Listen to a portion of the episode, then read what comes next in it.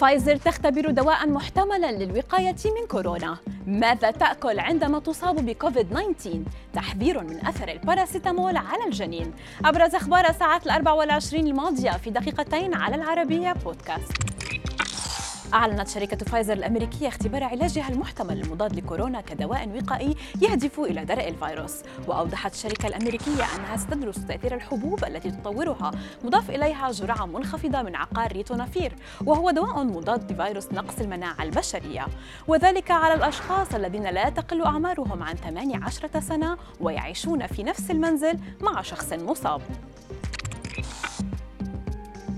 عند الإصابة بكوفيد 19 فإننا سنبحث جميعا عن الطرق التي تساعدنا في الحفاظ على مناعة قوية وربما يكون للطعام دور مهم في تحسين نظام المناعة.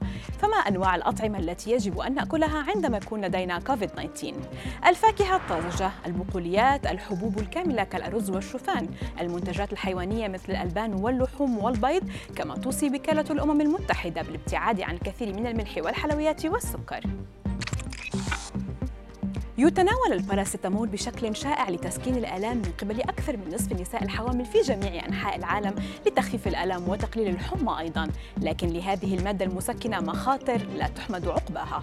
فقد حذر خبراء مؤخرا من هذا المسكن لافتين إلى أن النساء على النساء الحوامل تجنب تناوله أثناء الحمل.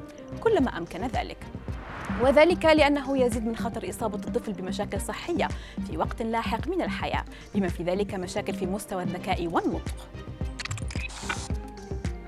يبدو أن أحد التدخلات الواعدة لتعزيز الإمداد بالأنسولين وتنظيم نسبة السكر في الدم هو عصير الرمان فقد فحصت دراسة نشرت في مجلة Current Development Nutrition تأثير تناول جرعة واحدة من عصير الرمان على مستويات السكر في الدم فلوحظ ارتفاع في مستويات الأنسولين وانخفاض ملحوظ في مستوى الجلوكوز ما بين 15 دقيقة و30 دقيقة بعد تناول عصير الرمان.